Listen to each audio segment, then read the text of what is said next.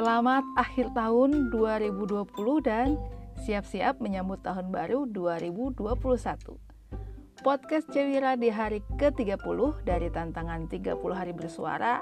Yes, hari ke-30 berarti hari terakhir dari tantangan di tahun ini. Fabulous, fabulous gitu ya kalau kata Jarjit. Lewat juga 30 hari. Iya, 30 hari berturut-turut ngepodcast itu sesuatu banget.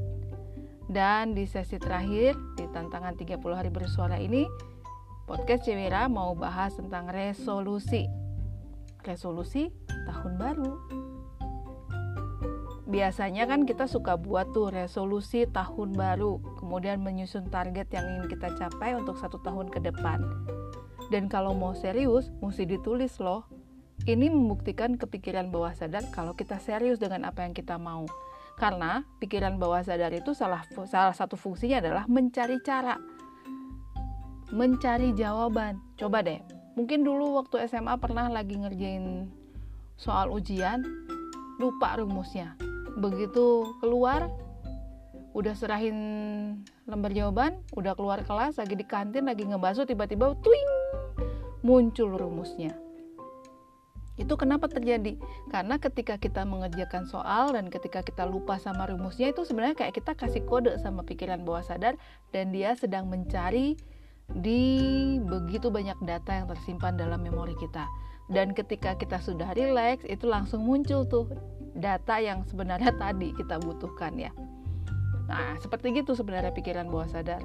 Makanya kalau ingin lebih serius lagi menggunakan potensi pikiran bawah sadar kita dalam membuat membuat suatu impian atau target harus ditulis tangan. Dan juga salah satu uh, kuncinya juga adalah menuliskan tuh seolah-olah kita sudah mendapatkannya sekarang. Jadi dalam menuliskan itu ada beberapa jurus sih, ada beberapa rumus, tapi tidak akan saya bagikan di sini. Itu perlu pembahasan yang lebih panjang lagi. Nah, kembali lagi ke resolusi. Resolusi itu nggak cuma di satu aspek kehidupan, tapi kalau sebaiknya adalah di semua aspek kehidupan kita supaya roda kehidupan kita seimbang dan bisa berputar dengan nyaman ya. Saya akan membacakan resolusi tahun 2021 buat kita semua ya mudah-mudahan kalau cocok diaminkan. Kalau enggak juga nggak apa-apa. Paling enggak ini buat saya pribadi. Untuk bidang spiritual semoga semakin banyak orang yang memiliki hubungan vertikal yang baik sesuai dengan keyakinannya masing-masing. Semakin mempelajari agamanya dan mempraktekkan ajaran agamanya dalam kehidupan sehari-hari dengan benar. Dan semoga semakin banyak guru-guru yang benar-benar guru yang bisa memberikan pencerahan pada umatnya. Jadi semakin banyak umat yang paham seperti apa seharusnya dalam mempraktekkan ajaran agamanya. Termasuk juga saya. Harus berlatih. Kemudian semoga di tahun 2021 kita semua bertumbuh jadi pribadi yang semakin sabar, semakin toleran, semakin kreatif, semakin inovatif, dan juga di sisi lain semakin dewasa dalam berpikir, semakin bijak dalam berucap, berkata-kata atau menulis status, semakin matang dalam bertindak, dan semoga dalam melakukan segala sesuatunya dengan penuh perhatian. Dan semoga juga dalam menjalani profesi pekerjaan kita apa pun profesinya, kita semua semakin terampil dalam melakukannya, semakin handal, semakin kompeten, semakin menikmati dan semakin mudah dalam mengerjakannya. Dan semoga pekerjaan yang kita jalanin ini bisa membantu dan memudahkan hidup orang banyak dan dilakukan dengan landasan ulas asih.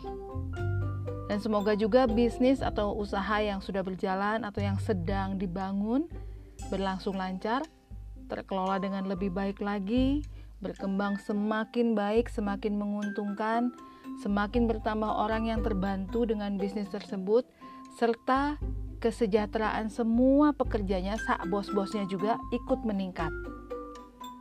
Dan semoga kita semua mudah sekali dapat bonus, mendapatkan banyak bonus dari berbagai sumber yang bahkan tidak terduga dari mana-mana.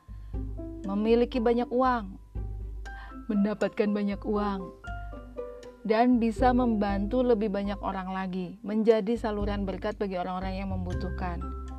Dan semoga banyak berkat dan berkah yang berlimpah dalam hidup kita. Semoga semakin banyak orang yang peduli dengan sesama. Semoga kita semakin peduli dengan apa yang terjadi di sekitar kita. Kita semakin peduli juga dengan pentingnya berbagi informasi yang benar dan bermanfaat bagi kita semua semakin peduli juga bagaimana melindungi kita dari informasi-informasi yang tidak tepat. Bagaimana melindungi orang-orang yang kita sayangi dari informasi-informasi yang tidak tepat. Nah, ada lagi nih aspek jalan-jalan juga penting, apalagi jalan-jalan dengan keluarga atau dengan orang yang disayang. Mengunjungi tempat-tempat yang menyenangkan, menikmati fasilitas yang menyenangkan, disambut dengan hangat, penuh kekeluargaan, kemudian menikmati momen kebersamaan, menerima semua kemudahan dan kelancaran di dalam perjalanan, sehingga benar-benar menjadi momen yang tak terlupakan, momen yang membahagiakan, yang jika dikenang membuat kita tersenyum. Nah, itu sih resolusi yang saya harapkan di tahun 2021.